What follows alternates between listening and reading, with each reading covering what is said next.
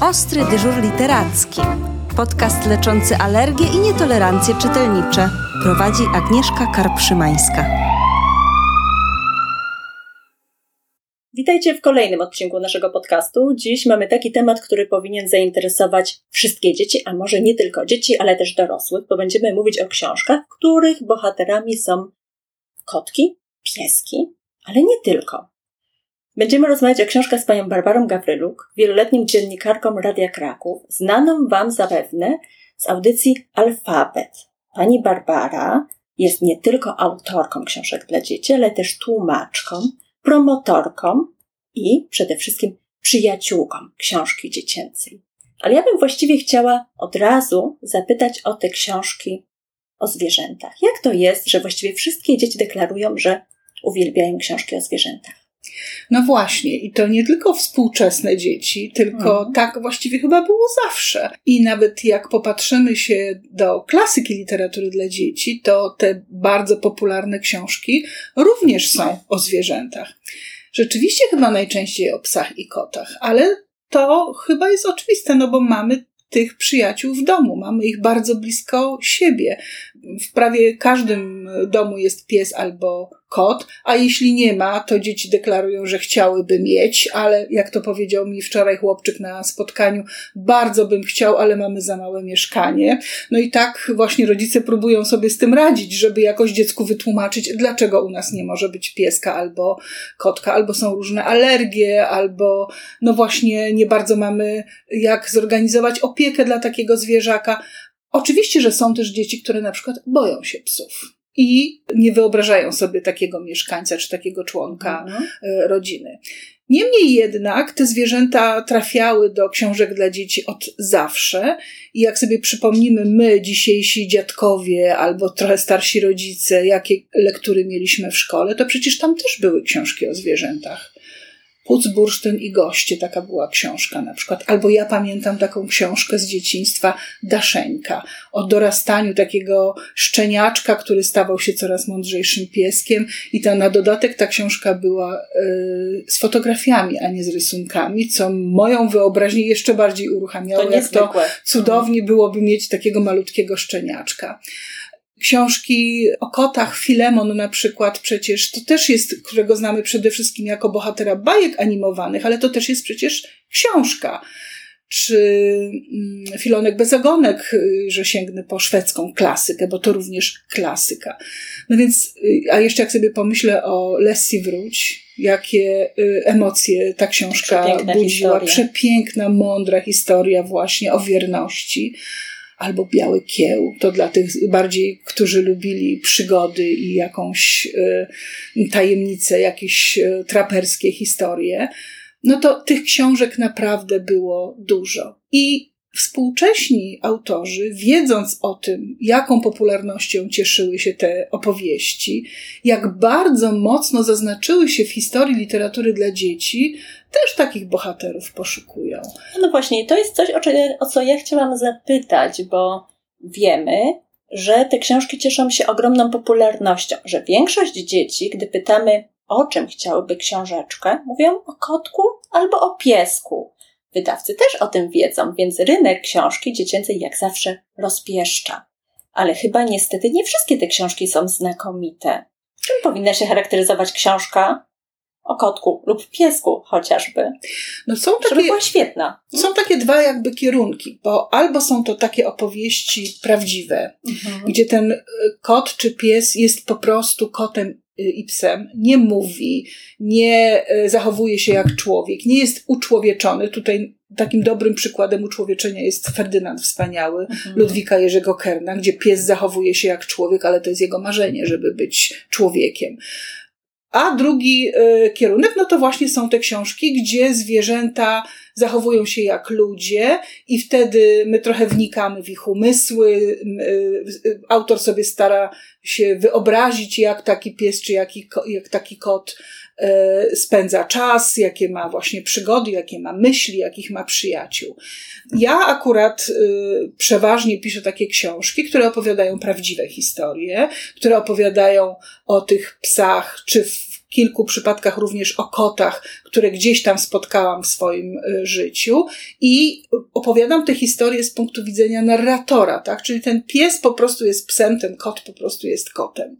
To się bardzo dzieciom podoba. Ja myślę, że one wczuwają się wtedy bardziej w los takiego zwierzaka, a często są to historie poruszające i często są to historie, które wzruszają, a, a czasem są to historie niezwykle zabawne. Myślę, że chyba dużo porażek ponoszą właśnie autorzy, którzy usiłują z takiego kota czy psa zrobić takiego głównego bohatera, który mówi w pierwszej osobie i właśnie mhm. mówi, mówi ludzkim głosem i staje się też trochę takim człowiekiem. Chociaż wiem, że takie opowieści z kolei lubią młodsze dzieci, tak? To znaczy one wtedy z tego psa czynią gdzieś tam swojego równoprawnego bohatera. Teraz na chwilę może odejdę od książek, chociaż to się też na książki przekłada. Myślę na przykład o takiej niezwykle w tej chwili popularnej serii y, filmów dla dzieci, czyli o Psim Patrolu, który mhm. również jest wydawany w książeczkach. Nie będę mówić o wartościach plastycznych tej serii, bo tutaj nie jestem ekspertką, ale wiem, że jest dużo zastrzeżeń. Natomiast obserwuję z zafascynowaniem popularność tej serii, czyli to, co się z tymi y, bohaterami dzieje, że właśnie dzieci utożsamiają się z tymi psimi bohaterami psiego patrolu i się zamieniają w kolejnych bohaterów, a to w Marszala, a to w Sky i tak dalej, odgrywają te role. To może jest też jakaś recepta na, na sukces. Oczywiście, że w przypadku dla młodszych dzieci, znowu wracam teraz zdecydowanie do książek, bardzo dużą rolę odgrywają ilustracje. I jeżeli one są one przemawiają do dzieci, jeśli one zachęcają do, do, do czytania, jeśli dziecko widzi sympatyczną mordkę psa albo właśnie śmiesznego mhm. kotka, to na pewno chętnie tej książki posłucha albo samo przeczyta. No właśnie. Mm. E, mi wydaje się, gdy Pani słucham, że może rzeczywiście kluczowym jest ten e, warunek wieku dziecka. Mm. Może dzieci, które są najmłodsze, zupełnie spokojnie mogą czytać historię, słuchać historii o zwierzakach, które mówią, które ratują świat, swoich opiekunów. A gdy dziecko troszkę podrasta, może warto podsuwać mu właśnie takie książki, które bardziej uczą empatii. Mm. E, ja nie ukrywam, że w Pani książkach kotach, psach, o zwierzętach. Mnie zachwyca faktycznie y, ten pokład emocjonalny. To są książki, które mówią o prawdziwym życiu ze zwierzakiem, ale y, to są książki, które przede wszystkim pomagają zrozumieć zwierzęta, uczą empatii, wrażliwości, pozwalają się też zastanawiać nad y, naszą rolą w życiu zwierząt i rolą zwierząt w naszym życiu. To są książki absolutnie znakomite.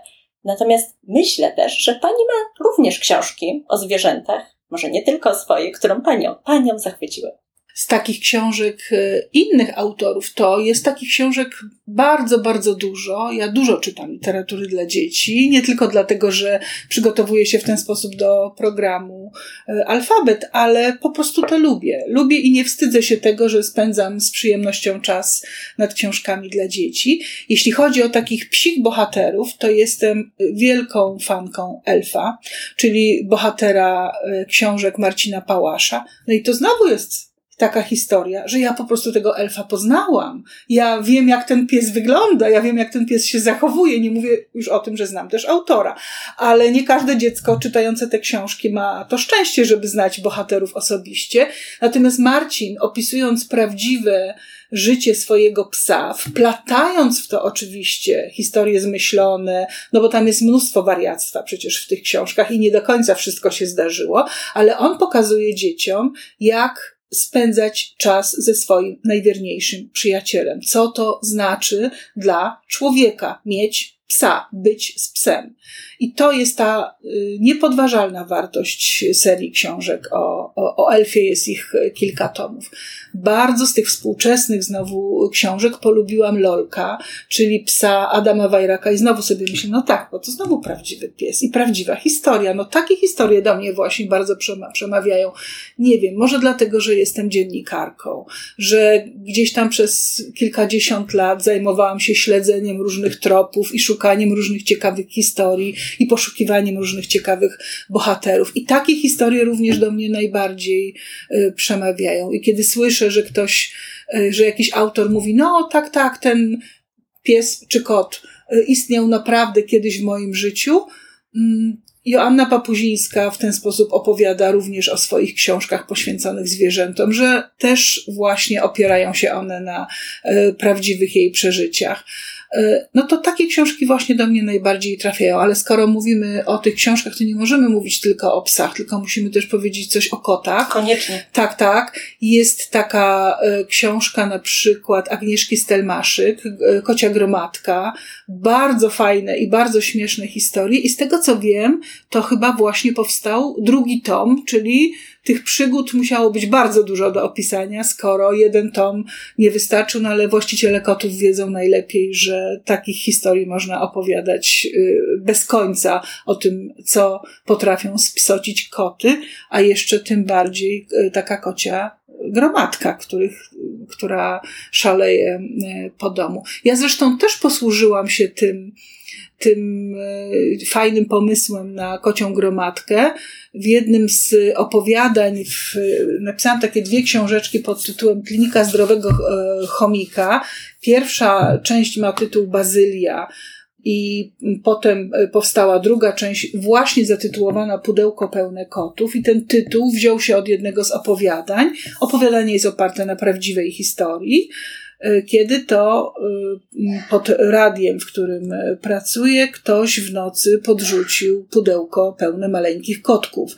I my mieliśmy zamieszanie przez cały dzień właśnie z tymi małymi kotkami. Szukaliśmy dla nich domów. Ja tę historię umieściłam w jednym z tych opowiadań. To jest bardzo śmieszne opowiadanie o tym właśnie, jak nam się te koty z tego pudełka w którymś momencie wydostały i rozpełzły, rozlazły, rozskakały się po, po radiu.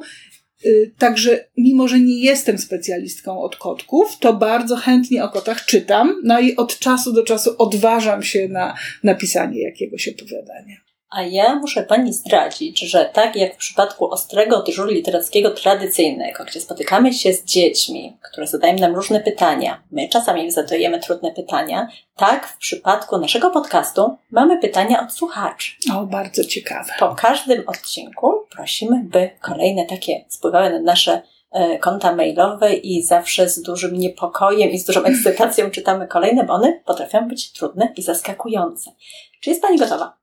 Jestem oczywiście gotowa. Zawsze najbardziej boję się takich pytań o szczegóły różnych książek z przeszłości, bo oczywiście autorka niedokładnie pamięta, co napisała 10 czy 15 lat temu. Na szczęście dzisiejsze pytania są bardziej ogólnie o książki. Mm. To są pytania do naszych ekspertów z zakresu literatury dziecięcej, więc może może, może się uda. Może się uda.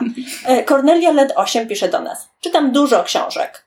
Pocztam z biblioteki o takich słodkich zwierzakach. Czasami są trochę smutne, ale dobrze się kończą, a moja mama mówi, że są wręcz rozczulające. Czy zna pani może takie jakieś inne książki, ale mhm. też rozczulające? Ale takie, żeby były też o zwierzątkach i rozczulające.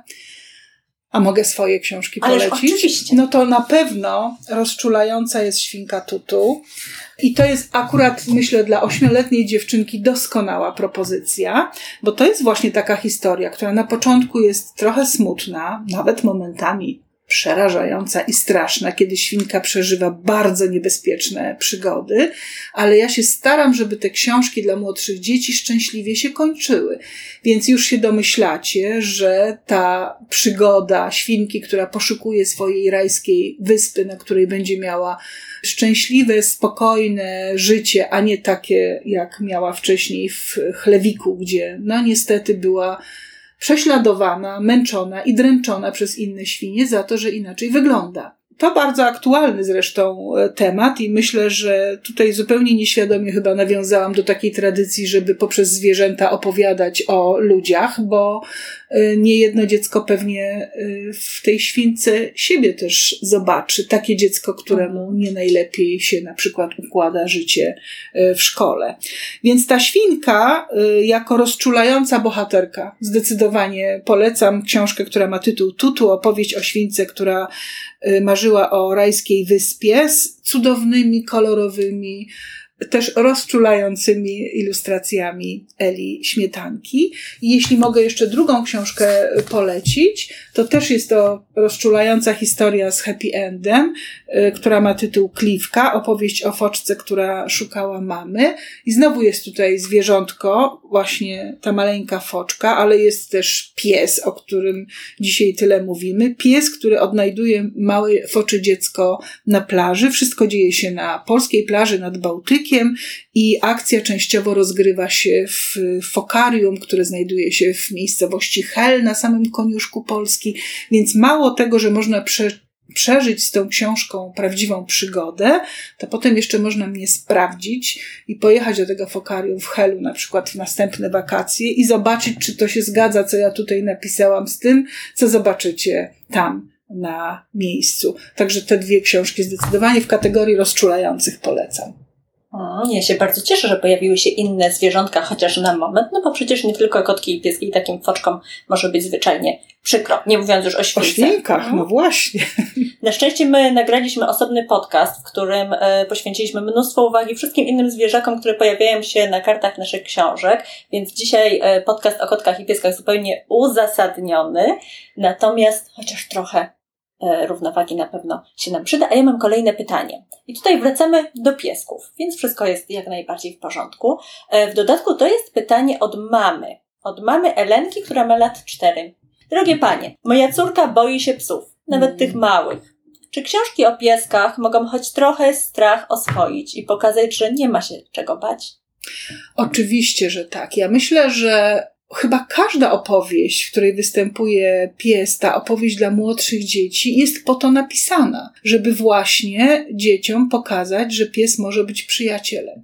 Wszyscy wiemy, że nie każdy pies się sprawdza w tej roli. Że bywają historie trudne i bywają też historie straszne.